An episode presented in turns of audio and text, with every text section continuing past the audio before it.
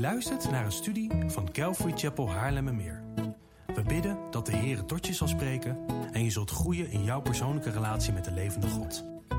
Bezoek voor meer informatie onze website calvarychapel.nl. Dat is C-A-L-V-A-R-Y-C-H-A-P-E-L.nl. Laten we bidden. Vader Heer, dank u wel. Dank u wel dat wij samen met Mozes mogen zeggen, Heer, laat uw glorie zien, toon mij uw glorie. En Heer, dank u wel dat uw antwoord in Exodus 34 was. Dat u aan Mozes liet zien wie u bent. En Heer, dat dat niet ging door iets, een, een, een aardbeving of vuur of iets menselijk indrukwekkends, Heer, maar dat u Mozes uw naam gaf. En dat die opgeschreven is in het woord. Dank wel, Heer, dat om uw glorie te zien, u uzelf omschrijft in menselijke termen. Dank wel, Heer, dat u gekend wil worden door ons mensen. Heer, dat is genade, dat is iets dat wij niet verdienen. Heer, dat is iets waar wij geen enkel besef van hebben als het aankomt op hoe ontzettend groot dat is. Heer, want de schepper van hemel en aarde wil gekend worden door zijn schepping. Heer, u sprak en er was. En u wil gekend worden door uw schepping. Heer, u bent oneindig groot, wij zijn eindig klein. En toch mogen wij u kennen. Heer, wat een zegen, Heer, wat een genade. En Heer, het is mijn gebed dat u vandaag gebruikt om ons uzelf te laten zien. Het is mijn gebed dat u ons vandaag gebruikt, of dat u vandaag gebruikt, om ons allemaal te veranderen. Om ons allemaal meer afhankelijk te maken van u. Heer, u weet wat voor periode we achter de rug hebben. U weet in wat voor periode we misschien nu zitten. Maar Heer, in alles hebben we u nodig. In alles zijn we afhankelijk van u. Dus Heer, doe een wonder alstublieft. Spreek tot onze harten alstublieft. Spreek door het woord heen. Laat iedereen die luistert en het naluistert, laat iedereen veranderd worden. Niet vanwege mij, maar vanwege uw woorden. Heer, doe een wonder alstublieft, zoals alleen u dat kan. Heer, we bidden en we vragen in Jezus' naam. Amen. Gaat het allemaal goed qua geluid? Oké. Er wordt hier van alles gedaan, dus ik denk, check even of het goed gaat. Goedemorgen allemaal. Welkom bij de livestream van Calvary Chapel Haarlemmermeer. Mijn naam is Casper Haan. Ik heb het voorrecht om assistent voorganger bij deze geweldige gemeente te zijn. En um, ik heb het voorrecht om vandaag samen met u, met jullie, het woord in te gaan. Om samen te kijken wat Gods woorden zijn voor ons allemaal. Want elke keer wanneer ik het woord mag brengen, is het iets wat God tegen mij zegt, ten eerste en daarna tegen jullie. Niet dat ik beter ben, maar ik heb het juist nodig dat God eerst tegen mij praat, voordat ik tegen jullie kan zeggen wat God gezegd heeft. En het is echt een voorrecht om elke dag weer, elke keer weer, Gods woord in te duiken, want we mogen daarmee God zelf leren kennen. De oneindige God wil gekend worden door ons eindige kleine mensen. Dat is zo bijzonder. Daar mogen we van genieten en gebruik van maken vandaag. We mogen God leren kennen en door Hem gekend worden. Voordat we beginnen heb ik een aantal mededelingen. Um, Deo Volente, zo de Heer het leidt, willen wij aanstaande zondag 2 augustus willen wij samen de diensten in Sandestein 42, ons pand dat wij huren, um, willen we weer hervatten. Uh, dat is echt een gebedspunt. Uh, want we zitten met allerlei coronamaatregelen, we zitten met allerlei dingen die we moeten regelen en dingen die we moeten houden. En het is echt nog wel een uitdaging om dit te doen, dus bid daar alsjeblieft ook voor. Bid vooral dat we um, de protocollen goed zullen houden. Um, ongeacht wat iemand van het protocol vindt, um, dit, is, dit zijn de voorwaarden die er gesteld zijn. Er zal, een, er zal iemand zijn van de stichting om te observeren of wij ons goed aan de regels houden. Dus het is echt een verzoek, hou je alsjeblieft aan de regels. Ehm, we willen namelijk graag de diensten door kunnen zetten. Maar we willen, daarvoor moeten we ook ervoor zorgen dat we trouw zijn aan de regels die we gekregen en ook deels zelf opgesteld hebben. Dus hou je daar alsjeblieft aan. Lees de mails die Stan doorgestuurd heeft. Met daarin de protocollen, met de regels, met de video van waarin je kan zien wat de looppaden zijn, welke kant je wel en niet op mag lopen, uh, waar je je handen kan, moet wassen. Um, richting de ouders is er ook nog wat gegaan over de zondagschool en de crash. We hebben het echt nodig dat we ons samen hier aan houden als we samen ook in dit pand willen blijven samenkomen. Uh, we moeten ons echt hier strikt aan houden, omdat dit nou eenmaal de regels zijn die er op het moment gelden. Um, belangrijk, de dienst begint niet om tien uur, maar om half elf. Dus jullie kunnen een half uurtje langer in je bed blijven liggen, als je dat wil. Maar de dienst zal dus een half uurtje later, half elf, net zoals de livestream, beginnen.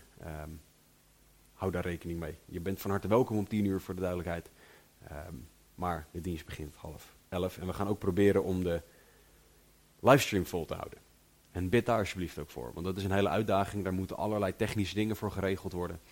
We willen ervoor zorgen dat het iets is dat dienend is. Dus bid ook alsjeblieft dat we de juiste houding er naartoe hebben.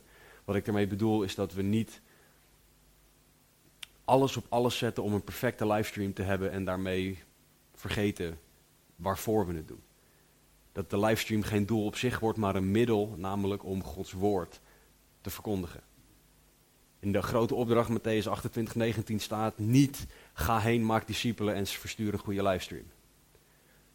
Er staat in Matthäus 28, 19, ga heen, maak discipelen van alle volken, hen dopend in de naam van de Vader, de Zoon en de Heilige Geest, hen onderwijzend alle dingen die ik u geboden heb. Daar wordt het woord livestream niet genoemd. Het livestream, het, de hele livestream die we nu hebben, is een middel om dat doel te bereiken. Dus bid alsjeblieft dat we dat doel voor ogen zullen houden, dat de livestream dienend zal zijn. Dat we dus ook de juiste dingen zullen doen, de juiste dingen niet zullen doen. En dat de hele dienst dienend zal zijn aan het brengen van Gods woord naar iedereen die het moet horen, namelijk de hele wereld. Want dat is onze taak die wij van God gekregen hebben.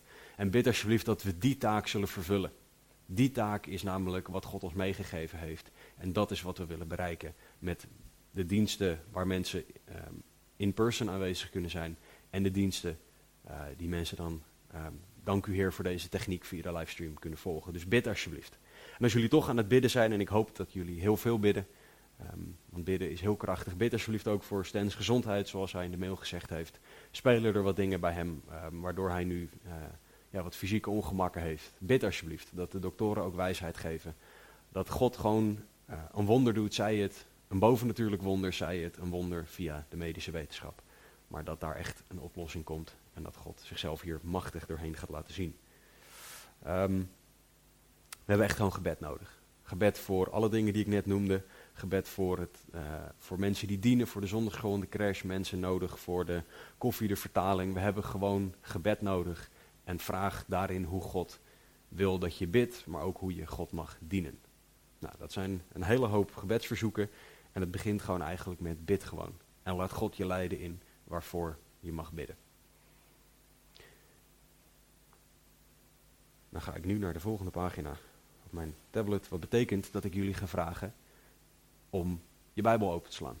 Sla je Bijbel open alsjeblieft op het Bijbelboek Romeinen. We zijn nu al een aantal studies bezig. Vorige week zei ik vier, maar was het vijf. Dus deze week is het geen vijf, maar zes studies die we ondertussen al bezig zijn. Ja, ik, ik, ik kan tellen een beetje. Um, zesde studie in Romeinen, um, waarin wij samen dit prachtige Bijbelboek, ontzettend confronterende, duidelijke, theologisch diepgaande boek mogen bestuderen. Dit is het hoogtepunt van Paulus' schrijven, zoals sommige Bijbelcommentatoren zeggen. Dit is um, theologisch gezien zo ontzettend belangrijk, zo ontzettend rijk, zo diep, zo breed, zo duidelijk. En dat is wat de mens nodig heeft. Want vanaf het begin af aan is Paulus één ding aan het doen. En dat is duidelijk maken dat rechtvaardiging noodzakelijk is voor de mens. Dat is de rode draad van de hele brief. Rechtvaardiging, dat ene woord. Maar ik heb het al vaker genoemd, maar het is soms lastig om te begrijpen wat een woord nou betekent. Dus vandaag zullen wij aan de hand van de tekst uit Romeinen 2 zullen wij gaan kijken naar wat rechtvaardiging is. Vorige week hebben we gezien dat Gods evangelie er is voor de mens die zichzelf goed vindt. de mens die van zichzelf vindt dat hij rechtvaardig is. Ik ben een goed mens, zeggen, werpen mensen wel eens tegen als je zegt dat mensen een zondaar zijn. Maar God zegt, het maakt niet uit of je goed bent. De lat ligt veel hoger dan goed. Want ook jij die jezelf goed vindt, u die zichzelf goed vindt, zondigt tegen Gods wet. En dat is een probleem. We hebben gezien in Romeinen hoofdstuk 1, vers 18 tot en met 32, dat God het evangelie ook gegeven heeft voor de duidelijk onrechtvaardige mens. En waarom het evangelie? Nou, omdat Romeinen 1, 16 en 17 zegt: Ik schaam mij niet voor het evangelie van Christus, want het is een kracht van God, het is de kracht van God tot zaligheid voor ieder die gelooft, eerst voor de Jood en ook voor de Griek, omdat het eerst bij de Jood en daarna bij de Griek kwam, het evangelie. Want de gerechtigheid van God wordt daarin geopenbaard uit geloof tot geloof. Zoals geschreven is, de rechtvaardige zal uit het geloof leven. En dit is die, de rechtvaardige, de persoon die gerechtvaardigd is. Rechtvaardiging, rechtvaardigheid. Al die woorden waar het uiteindelijk neerkomt op rechtvaardig. Dat is waar we vandaag naar gaan kijken. Dat thema, want dat is zo belangrijk. Het is de rode draad door de brief. In de eerste drie hoofdstukken gaat Paulus in op de noodzaak voor rechtvaardiging, de noodzaak van het evangelie voor de mens. En daarna gaat hij in op het effect van rechtvaardiging op de mens. Namelijk dat er heiliging plaats hoort te vinden. En de derde fase van redding is verheerlijking. Dat is wat er komt nadat wij in dit leven door God gerechtvaardigd zijn, wij door het proces van heiliging heen gaan, uiteindelijk zal er in de eeuwigheid zal er verheerlijking voor ons zijn. Dat is waar we naar uitkijken. Dat is waarom wij christenen zo gek zijn dat we uitkijken naar de wederkomst van Jezus die nu in de hemel is. Waarom zo gek? Omdat we iemand verwachten die we nu niet kunnen zien. Maar we weten dat hij komt. En dan zullen wij verheerlijkt worden. Dan zal alles anders worden. Dat is waar we naar uitkijken. Dat is het moment waar wij met rijkhalzend verlangen naar uitkijken, zoals het woord dat zegt. En we gaan vandaag kijken naar die eerste stap van die drie dingen: rechtvaardiging, heiliging, verheerlijking. We gaan naar rechtvaardiging kijken vandaag. Het hoofdthema van de hele brief. We gaan kijken naar of rechtvaardigheid nou noodzaak of nutteloos is. En op zich zou je, als je de eerste vijf preken gevolgd hebt, zou je het antwoord al moeten kunnen geven. Maar we gaan op basis van de tekst daar ook nog een keer naar kijken. Maar om even een stap terug te doen, waarom is het nou zo belangrijk dat wij rechtvaardig, rechtvaardiging, rechtvaardigheid begrijpen? Nou, omdat het nogmaals de rode draad van de hele Romeinenbrief is. Dus om de hele brief in het juiste perspectief te zien, om de brief te kunnen begrijpen, om te kunnen snappen waar Paulus het over heeft, is het wel zo fijn als we de rode draad snappen. Anders lijken het misschien allemaal hapsnap onderwerpen waar hij het over heeft. Maar als je die rode draad ziet, dan zal je zien dat alles samenhangt, alles verweven is met het thema rechtvaardiging. En dan zal je zien waarom dit belangrijk is. Voor de duidelijkheid ook, het is niet iets dat Paulus bedacht heeft. Het is niet zo dat Paulus hier met iets compleet nieuws kwam. Iets wat door de hele Bijbel heen nog niet bekend was.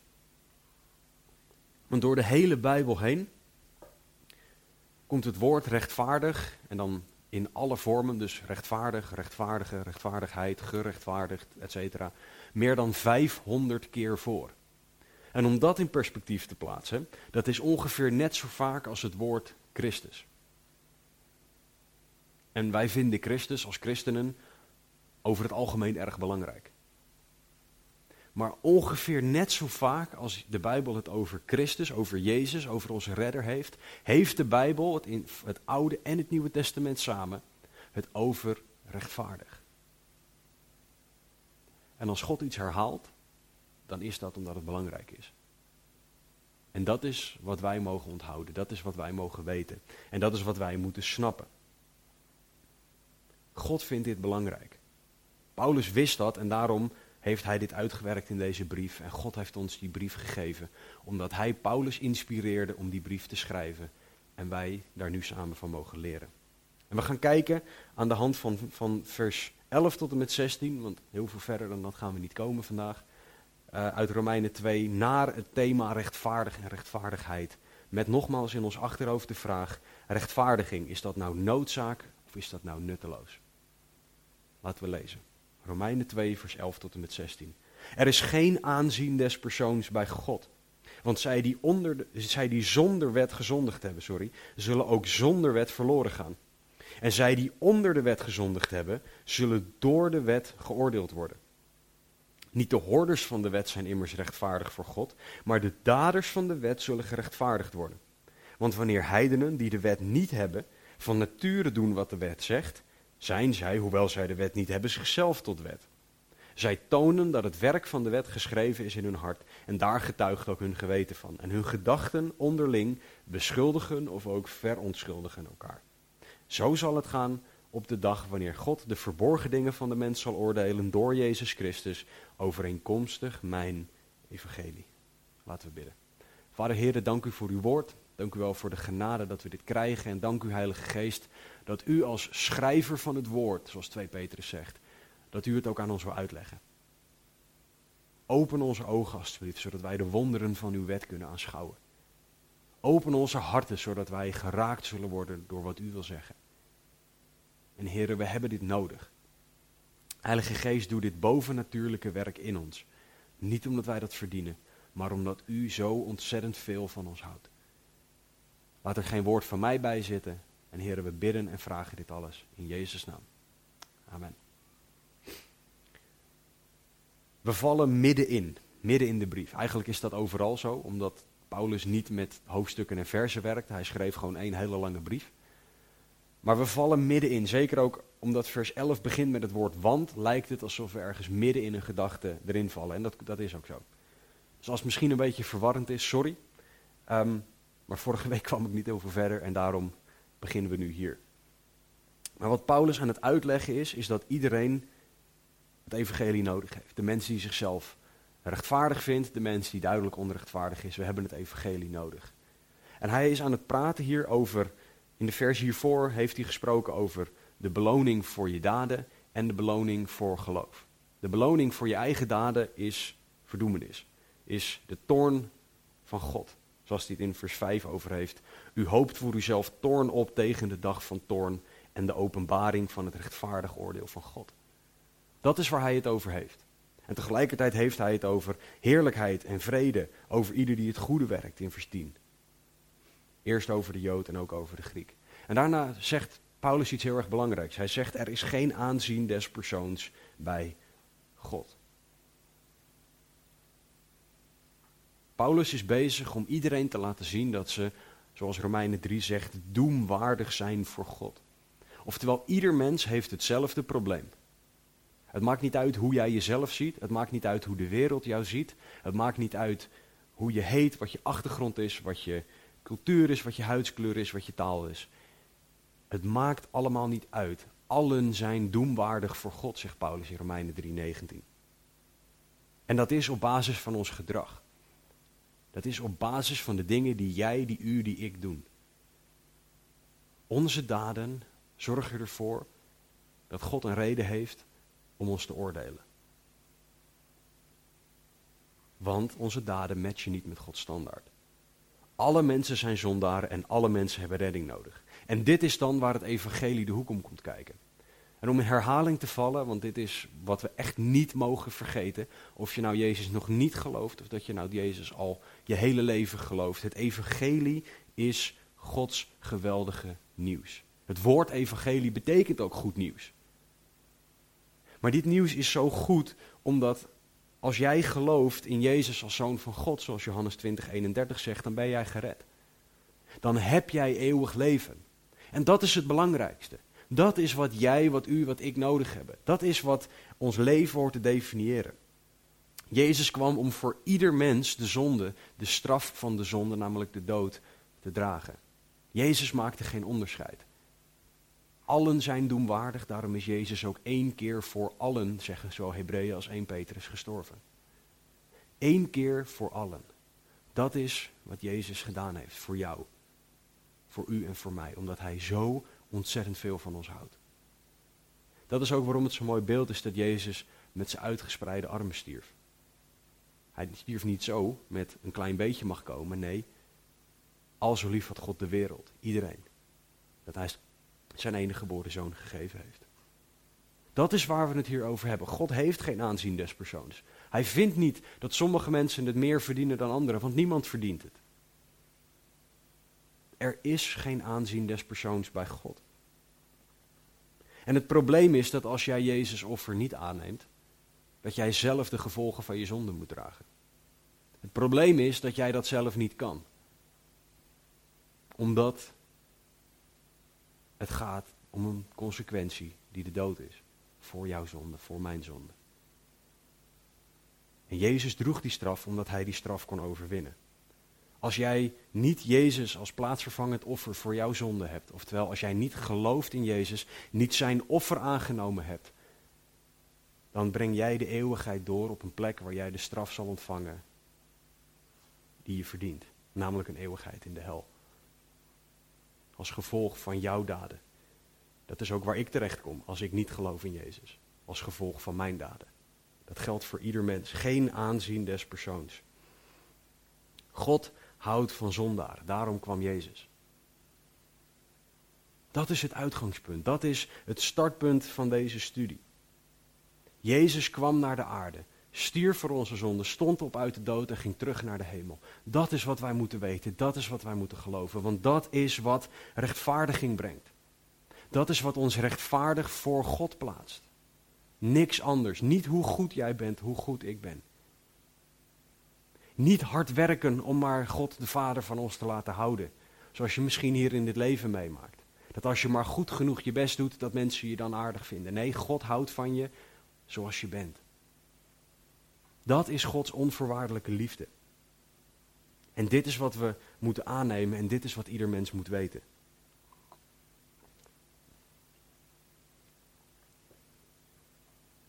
God heeft geen aanzien des persoons.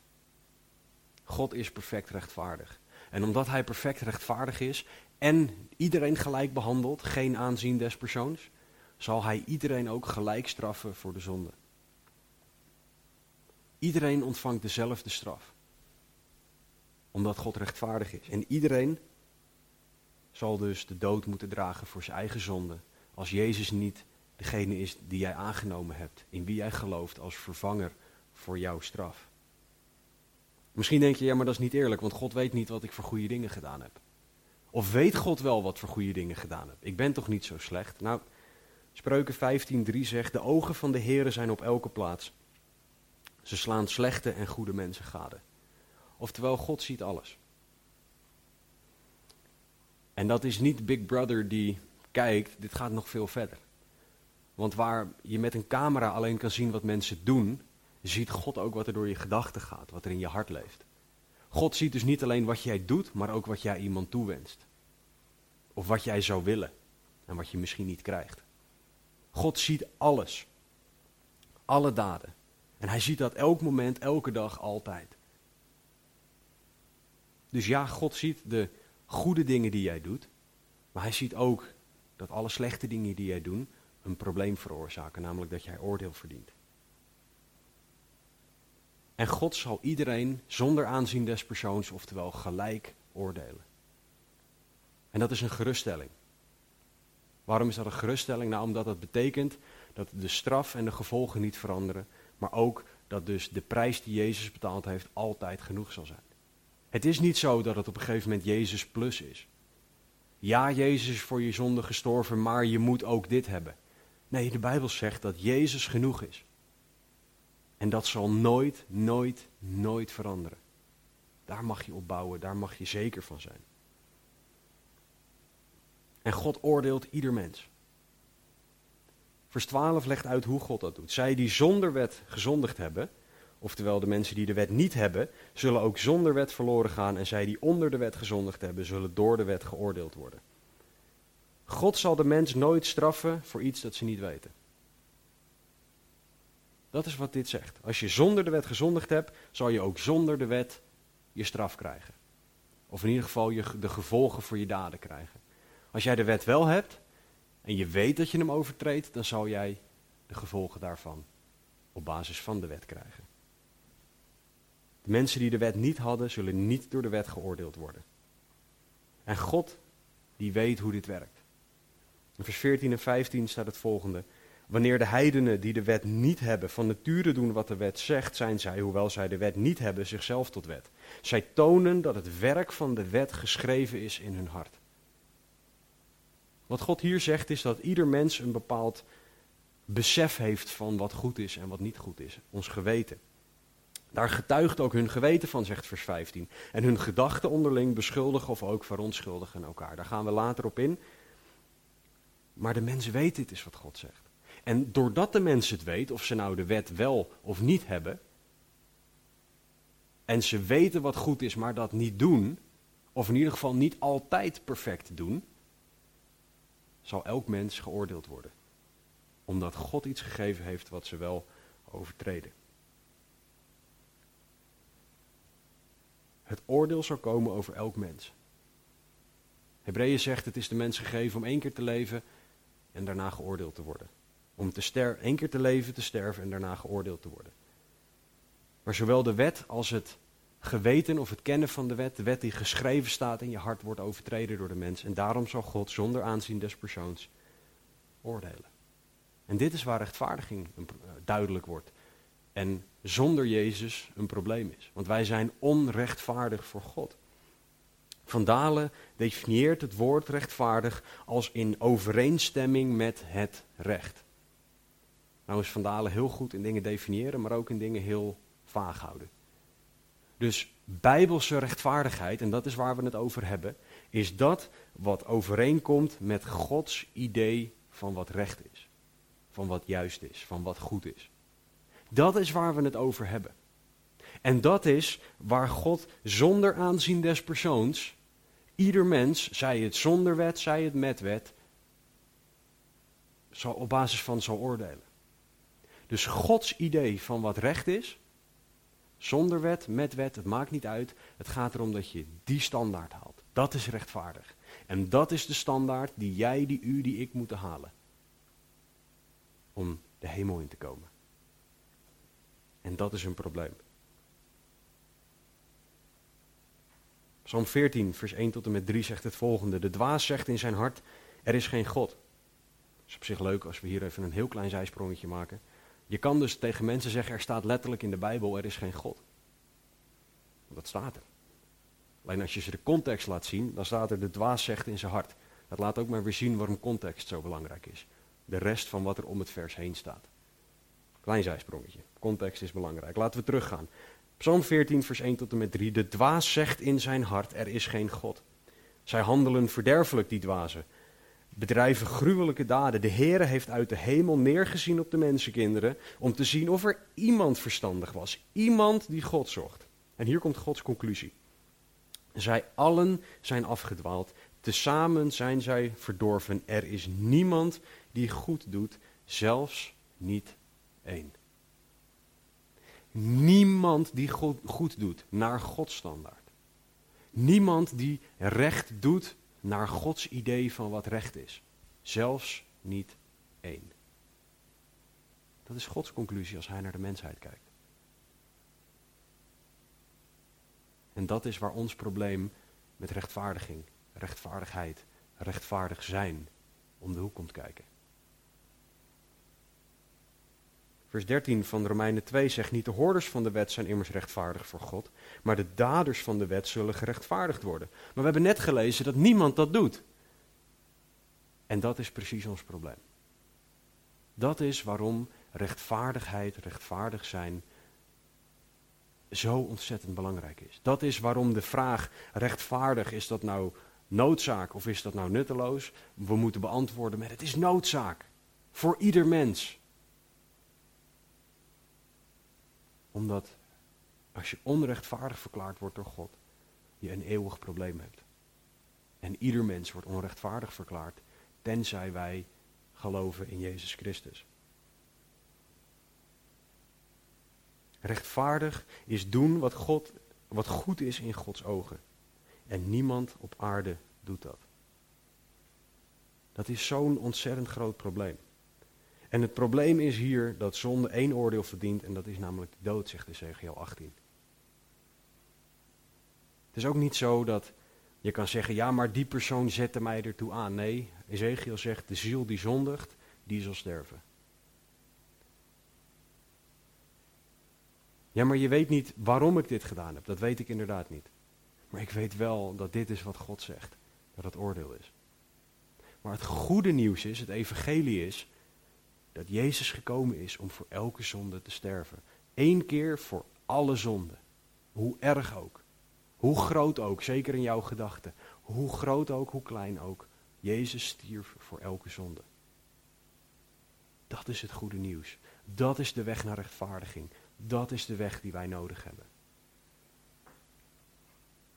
En zoals al eerder genoemd is rechtvaardiging onderdeel van het ding dat wij redding noemen. Het idee van redding. Redding begint met rechtvaardig worden, rechtvaardiging, rechtvaardigheid. Dat is waar we het hier over hebben. Dat is Romeinen hoofdstuk 1 tot en met 3, misschien 4, 5, als je het vanuit een bepaalde blik bekijkt. En het, wat rechtvaardiging doet, is dat het ervoor zorgt dat je gered bent. Daar gaan we zo nog naar kijken. Rechtvaardiging zorgt ervoor dat de straf van de zonde gebroken is over jouw leven.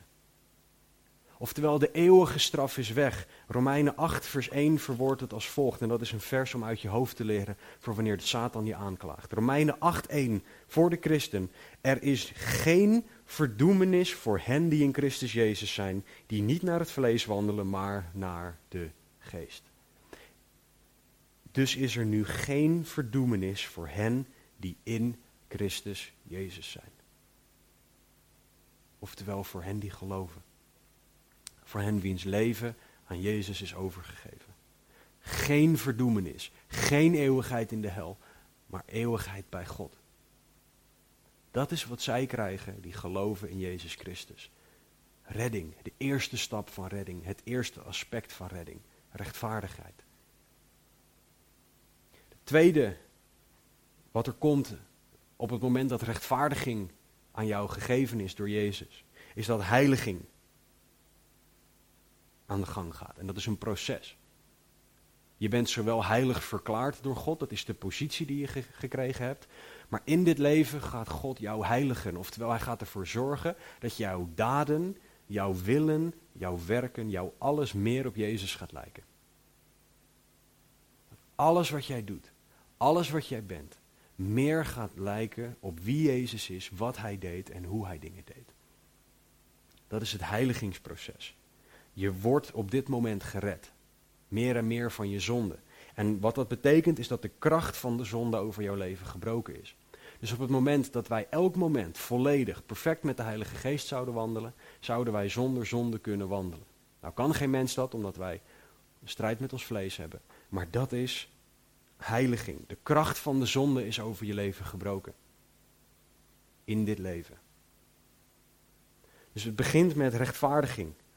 Je bent gered. Heiliging, je wordt gered in dit leven van de zonde die je nog blijft doen. En je hebt dan nog verheerlijking, je blijft gered. Misschien ben jij iemand die denkt, ja dan ben ik eenmaal in de hemel, dan zit ik daar en dan denk ik aan iets stoms en dan word ik uit de hemel gegooid. Of ik ga echt wel per ongeluk iemand laten struikelen en dan is dat net een belangrijke engel in de hemel en dan zegt hij, nou het is nu klaar met jou. Nee, zo werkt het niet. Je blijft gered. Dat is die verheerlijking, eeuwig bij God mogen zijn. Na rechtvaardiging, na heiliging komt verheerlijking. Dat is onze toekomst. En dan zal de aanwezigheid van zonde ook gebroken zijn. Dan zal er geen zonde om ons heen meer zijn.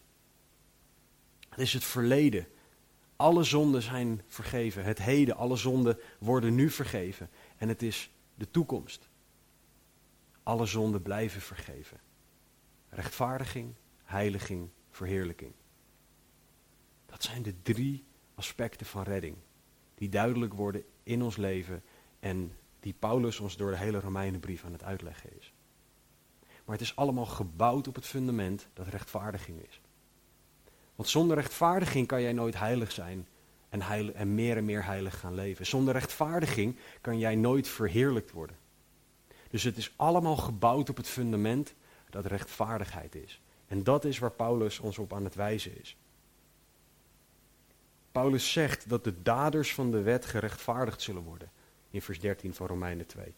Als wij de wet perfect doen, als wij de wet rechtvaardig houden in alles altijd, dan zullen wij door God rechtvaardig verklaard worden.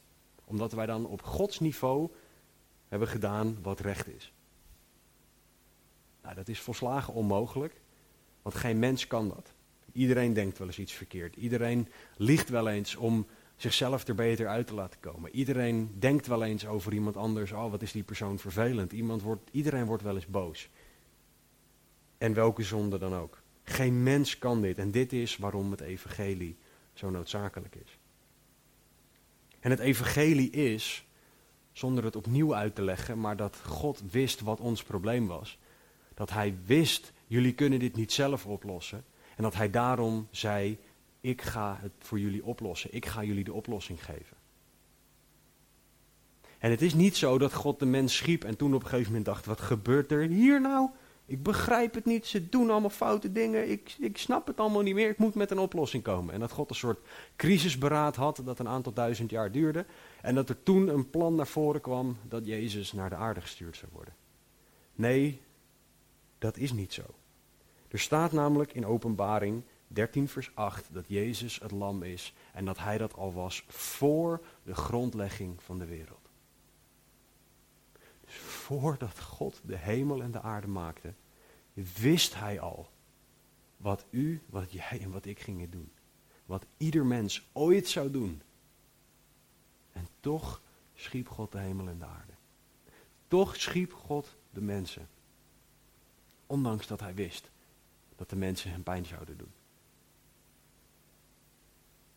Dat is hoeveel Jezus, dat is hoeveel God van u, van jou en van mij houdt. Hij wil een relatie met ons hebben. Hij wil dat wij bij Hem zijn. Als zijn kinderen die op de schoot van onze hemelse perfecte papa gaan zitten. En die luisteren naar zijn stem en blij zijn met wie Hij is. Dat is wie God is. Dat is wat Hij doet. Dat is wat Hij al wist voor de grondlegging van de wereld, zegt Openbaring 13. En wat deed hij dan? Jezus werd onze rechtvaardigheid. Of in ieder geval de mogelijkheid voor ons om rechtvaardig te worden. Jezus werd onze plaatsvervanger. 2 Korinthe 5, 21. Hem die geen zonde gekend heeft, dat is Jezus, heeft Hij, dat is God de Vader, voor ons tot zonde gemaakt. Opdat wij zouden worden gerechtigheid van God in Hem, oftewel in Jezus. Jezus zei, Geef mij jouw zonde, dan geef ik jou mijn rechtvaardigheid. Dat is de deal. Ik neem jouw zonde, zegt Jezus, inclusief straf, gevolgen, alles. En jij neemt mijn rechtvaardigheid, inclusief alle gevolgen. Dat is wat Jezus biedt. Dat is het evangelie. Dat is wat rechtvaardiging is. Jezus gaf ons zijn rechtvaardigheid, zodat wij recht voor God kunnen staan. Zodat wij goed voor God kunnen staan. In overeenstemming met Gods recht. Hij droeg ons oordeel omdat wij dat zelf niet kunnen. En daarna nog kunnen leven in eeuwigheid met God. Elk mens moet dit horen. En dit is waar Paulus voor leefde. Om elk mens te vertellen dat het evangelie, dat rechtvaardiging noodzakelijk is. En dit is waarom rechtvaardiging niet nutteloos, maar noodzakelijk is. Dit is waarom Paulus erop hamert dat iedere christen de grote opdracht in zijn en haar achterhoofd heeft. En niet in het achterhoofd iets waarvan je aan denkt, net zoals een boodschappenlijstje. Nee, iets wat in je achterhoofd zit waar je continu naar op zoek bent. Hoe mag ik dit doen, heren? Wie, met wie mag ik praten? Wie mag ik laten zien hoeveel u van deze persoon houdt? Want ieder mens heeft deze rechtvaardiging nodig.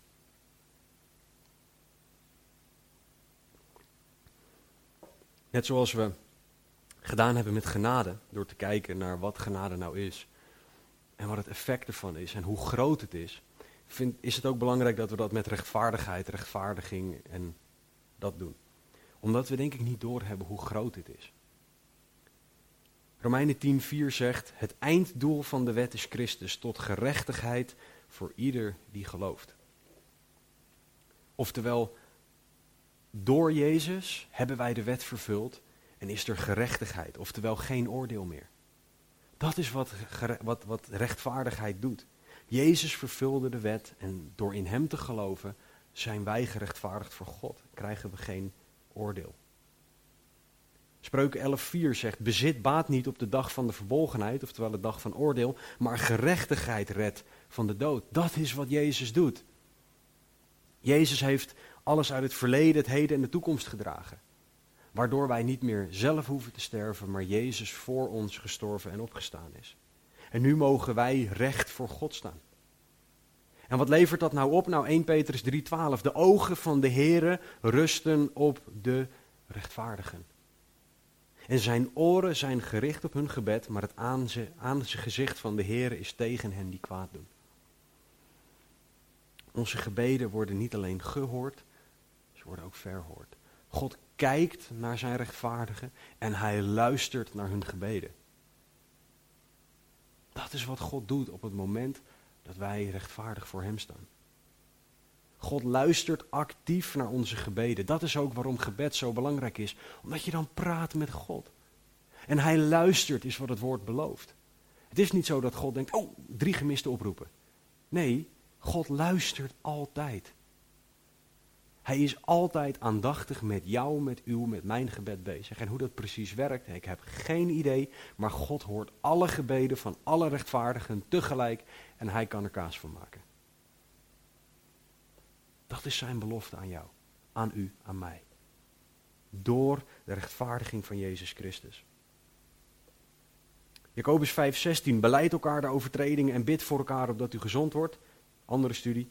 Een krachtig gebed van een rechtvaardige brengt veel tot stand. Tweede deel van het vers. Een krachtig gebed van een rechtvaardige brengt veel tot stand. Dat is niet hard praten, een krachtig gebed. Maar het is een gebed in geloof. Gebaseerd op wie Jezus is en wat hij gedaan heeft. God belooft dat als de rechtvaardigen bidden, dat hij luistert en dat hij zal doen wat naar zijn wil is. Want de rechtvaardigen, die zijn gerechtvaardigd die zijn onderdeel van het proces van heiliging en zullen dus meer gaan willen wat naar Gods wil is. En wanneer wij bidden wat naar Gods wil is, zal God dat ook doen. Rechtvaardiging zorgt er dus voor dat God ons ziet, onze gebeden hoort, onze gebeden uitvoert als we bidden naar zijn wil. Psalm 5, vers 12. Maar laat verblijd zijn allen die tot u de toevlucht nemen. Laat hen voor eeuwig juichen omdat u hen beschut.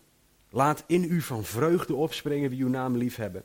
U immers zegent de rechtvaardige Heere. U omringt hem met goedgunstigheid als met een schild. Dus het is niet alleen zo dat we gerechtvaardigd worden in Jezus.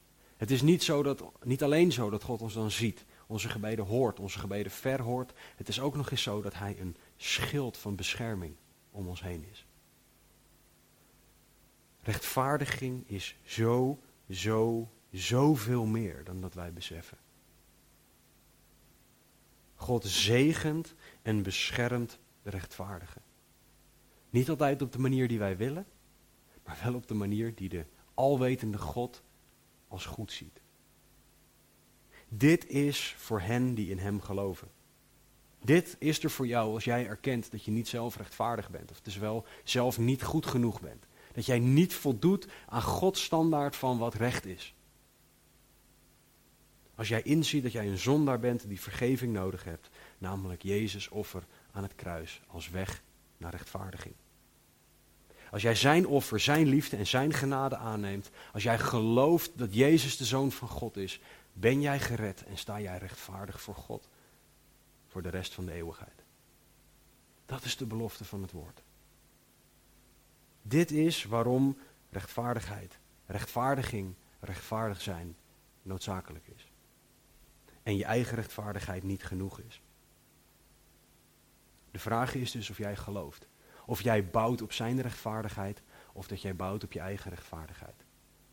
Ook als christen kan jij nog proberen te bouwen op je eigen rechtvaardigheid om Gods liefde te verdienen. Om Gods zegen te verdienen. Er is geen manier waarop jij dat kan doen. Alleen door Jezus is de rechtvaardigheid. In vers 14 tot en met 16 gaat Paulus in op de mensen die de wet niet hebben en de mensen die de wet wel hebben. En hij laat zien dat iedereen het oordeel van God krijgt. Dat iedereen rechtvaardiging nodig heeft. Hij zegt in vers 14 en 15 dat de mensen een besef van rechtvaardigheid hebben. Hij zegt, wanneer heidenen die de wet niet hebben, van nature doen wat de wet zegt, zijn zij, hoewel zij de wet niet hebben, zichzelf tot wet. Zij tonen dat het werk van de wet geschreven is in hun hart, daar getuigt ook hun geweten van. En hun gedachten onderling beschuldigen of ook verontschuldigen elkaar. Bijbelcommentator Matthew Henry heeft het volgende hierover gezegd. Van nature deden zij, de heidenen waar het hier over gaat, dingen die in de wet staan. Ze hadden een gevoel van gerechtigheid en eerlijkheid. Een gevoel van eer en puurheid. Van liefde en barmhartigheid. Ze leerden gehoorzaamheid aan hun ouders. Ze leerden medelijden met de ellendigen. Ze leerden behoud van publieke vrede en orde. Verboden waren dingen als moord, stelen, liegen, mijneet en andere dingen. Op die manier werden zij zichzelf tot wet. Einde citaat. Wat hij zegt hier is dat de mens een idee heeft van wat Gods wet is, van wat rechtvaardig is, van wat goed is, van wat juist is. Maar hij zegt, Paulus, dat geen mens daarnaar leeft. Zelfs niet naar het geweten dat wij hebben. Want wij weten dat bepaalde dingen niet goed zijn, maar toch doen we ze. Wij weten dat bepaalde dingen wel goed zijn, maar toch doen we die niet. Dat is hoe de mens werkt. En de ene mens heeft de wet wel, Gods geboden, Gods, bijvoorbeeld Gods tien geboden. Dat is de samenvatting van de wet. En sommige mensen weten wat die zijn en overtreden ze. Maar Paulus zegt voor de mensen die die wet niet hebben, die weten ook wat goed is. Ze hebben misschien niet de letterlijke wet, maar ze weten wel wat goed en wat niet goed is.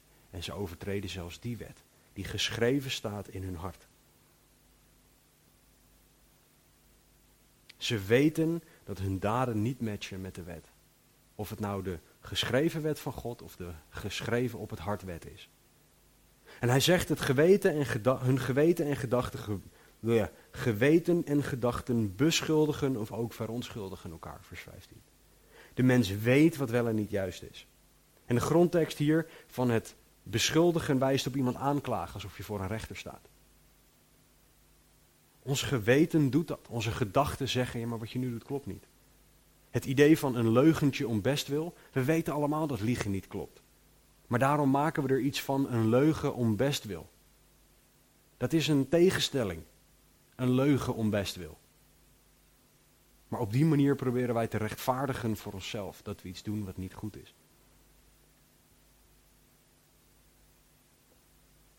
Wanneer ons geweten ons aanklaagt, ons aanwijst dat we de wet overtreden, bewijst ons geweten dat we rechtvaardiging nodig hebben. Omdat we dingen doen die niet recht zijn, niet naar Gods standaard zijn. Het verontschuldigen is het verdedigen in de rechtszaal van de dingen die je doet. En dat kan ook. Het kan zijn dat je wel luistert naar je geweten op momenten. Dat je weet, nee, ik, moet nu, ik, ik sta nu op het punt om iets te doen, dat moet ik echt niet doen. En dat je dat doet omdat je geweten dat tegen je zegt. Dat is waar Paulus het hier over heeft. En Paulus zegt hier dat iedereen onder Gods noodzaak voor rechtvaardiging valt. Degene met de wet, degene zonder de wet. Allebei hebben ze een idee van wat de wet is. De een heeft het uitgeschreven, de ander heeft het in zijn hart. Allebei hebben ze Gods rechtvaardiging nodig. De heiden die nog nooit van God gehoord heeft, heeft Gods rechtvaardiging nodig. Hoe dit precies werkt, ik weet alleen dat God rechtvaardig zal oordelen.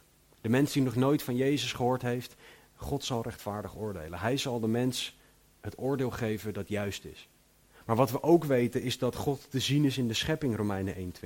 Dat de werken van de wet in het hart geschreven staan. Oftewel dat je kan weten wat wel en niet juist is in Gods ogen. En dat iedereen dat geweten van God gekregen heeft en daarmee de keuze om er wel of niet naar te luisteren.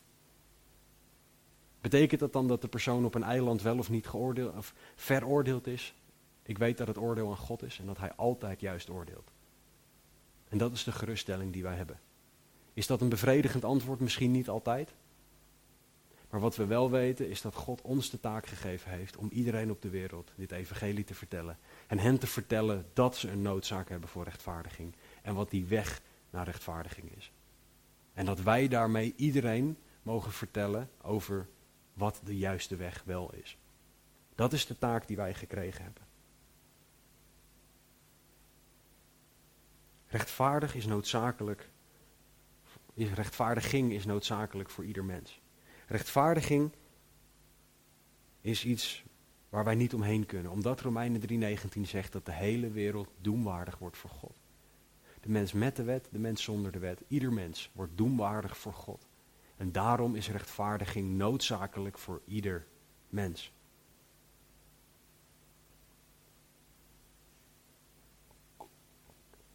Paulus zegt in vers 16, zo zal het gaan op de dag wanneer God de verborgen dingen van de mensen zal oordelen door Jezus Christus overeenkomstig mijn evangelie. Zonder Jezus rechtvaardiging staan wij zelf voor God. Helemaal alleen met onze eigen daden. En dan legt God de lat neer. Op zijn niveau van rechtvaardig is. Wat rechtvaardig is. Oftewel, nogmaals, wat in overeenstemming is met Gods idee van wat recht is. En hij is alwetend. En dit is wat jij en ik nodig hebben. Wat ieder mens nodig heeft om te beseffen. Omdat we ons dan beseffen dat we niet voldoen. En dat we dan Jezus nodig hebben. Dit is wat ieder mens moet weten, zegt Paulus. Dit is ook wat hij vertelt aan ieder mens. Hij zegt, ik vertel, zo zal het gaan op de dag wanneer God de verborgen dingen van de mensen zal oordelen, overeenkomstig mijn evangelie. Paulus, die vertelde dit. Dit is hoe Paulus het evangelie predikte. Paulus ging niet alleen praten over Jezus liefde. Hij praatte over Jezus liefde.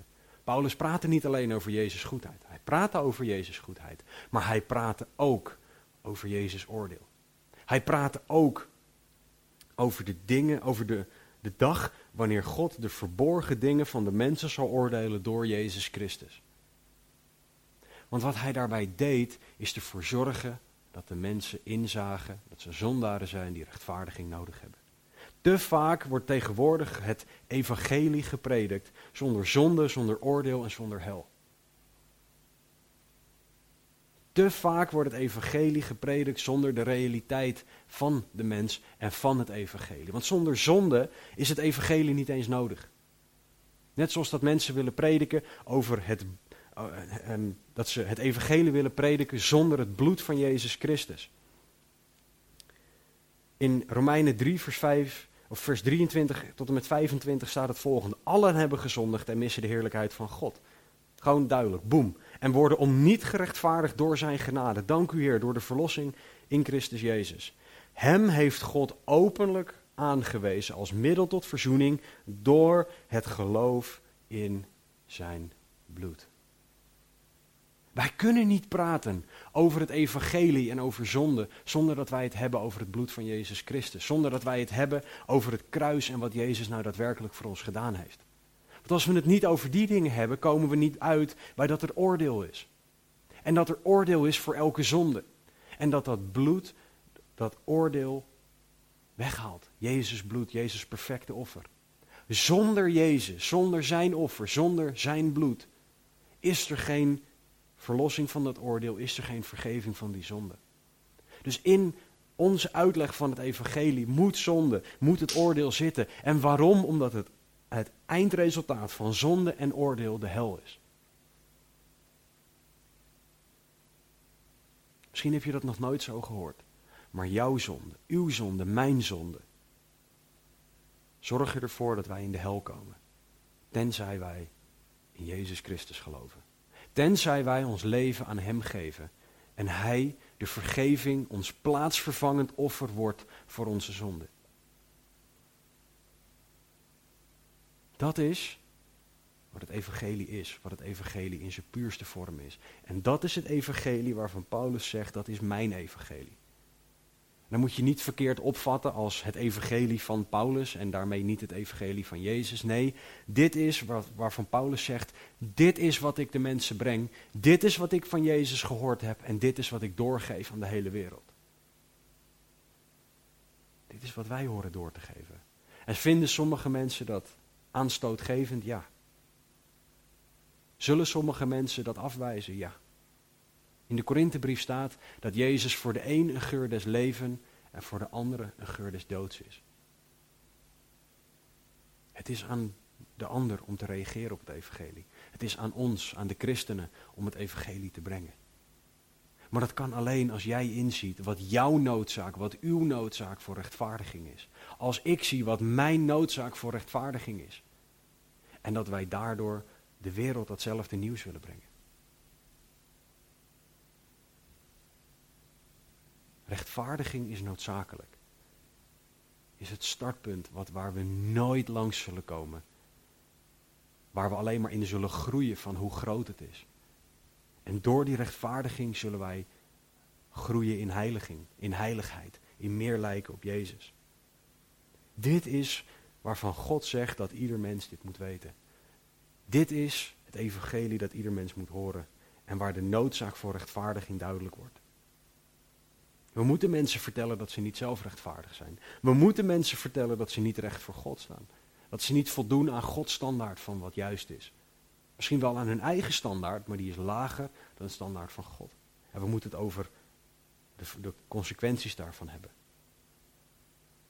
Maar gelukkig is Gods liefde zo groot dat Hij Jezus stuurde. Voor jou, voor u en voor mij.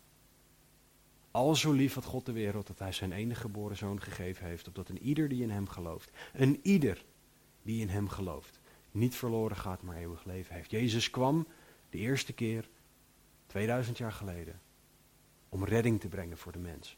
Voor jou, voor u en voor mij. Dat is wat wij nodig hebben, dat is wat ons gegeven is.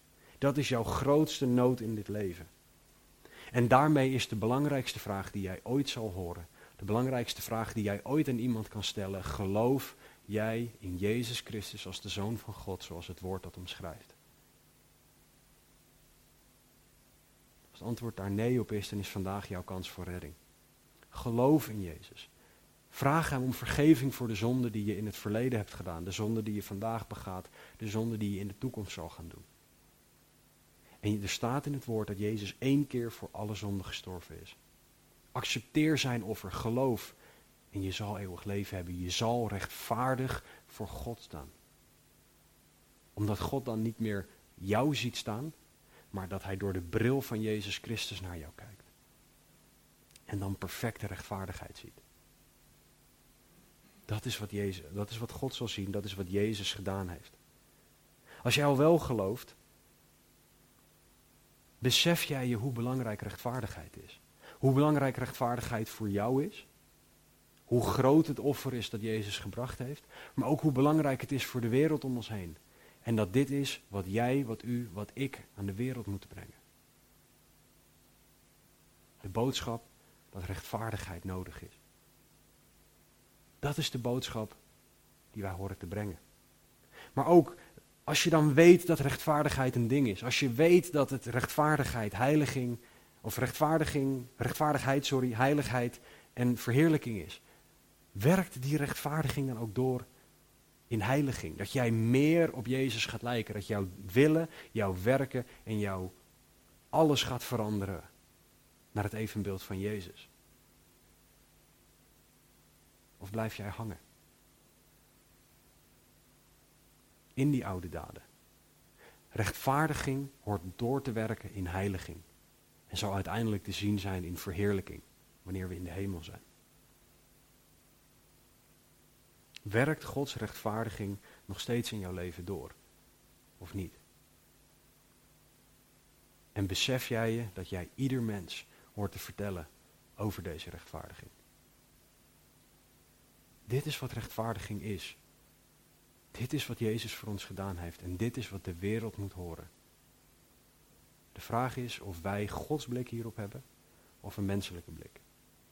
Het verschil ertussen is dat met Gods blik er daadwerkelijk iets in ons zal gebeuren. Met een menselijke blik doet het ons niks. Zie jij rechtvaardiging als nutteloos of als noodzaak? Laten we bidden. Heer Jezus, dank u wel. Dank u wel voor uw offer. Dank u wel voor uw genade. Dank u wel voor uw goedheid.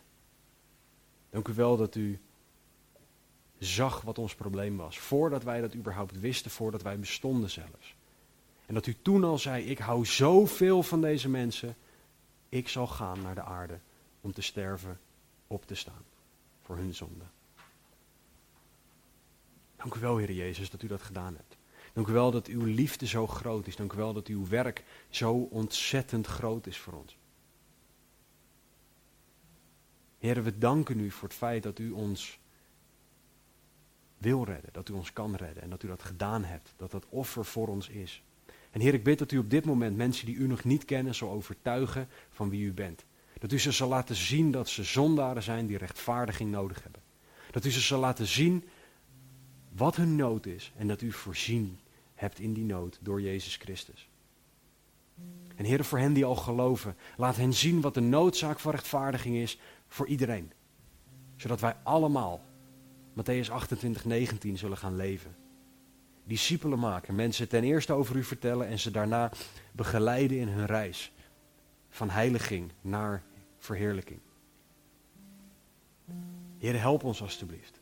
Open onze ogen, zodat wij zullen zien zoals u en niet meer zoals wij zelf. Geef ons een gezegende week, Heer, een week waarin we u beter leren kennen. Geef ons mogelijkheden om te getuigen, Heer, vanaf vandaag al. Laat dit iets zijn wat een eeuwig effect in ons heeft. En Heilige Geest, dat kan alleen u. Dus doe dat werk alstublieft. We bidden en danken in Jezus' naam. Amen. Ik wil afsluiten met woorden uit Romeinen 5. Paulus schrijft hier bij hoge uitzondering, vers 7, zal iemand voor een rechtvaardige sterven. Hoogstens immers heeft iemand de moed om voor de goede mens te sterven. God echter bevestigt zijn liefde voor ons daarin dat Christus voor ons gestorven is toen wij nog zondaars waren. Oftewel een slecht mens. Veel meer dan zullen wij, nu wij gerechtvaardigd zijn door zijn bloed, door hem behouden worden van de toorn. Want als wij toen wij vijanden waren met God verzoend zijn door de dood van zijn zoon, hoeveel te meer zullen wij behouden worden door zijn leven omdat wij verzoend zijn. En dit niet alleen, maar wij roemen ook in God door onze Heer Jezus Christus, door wie wij nu de verzoening ontvangen hebben. Dat is rechtvaardiging.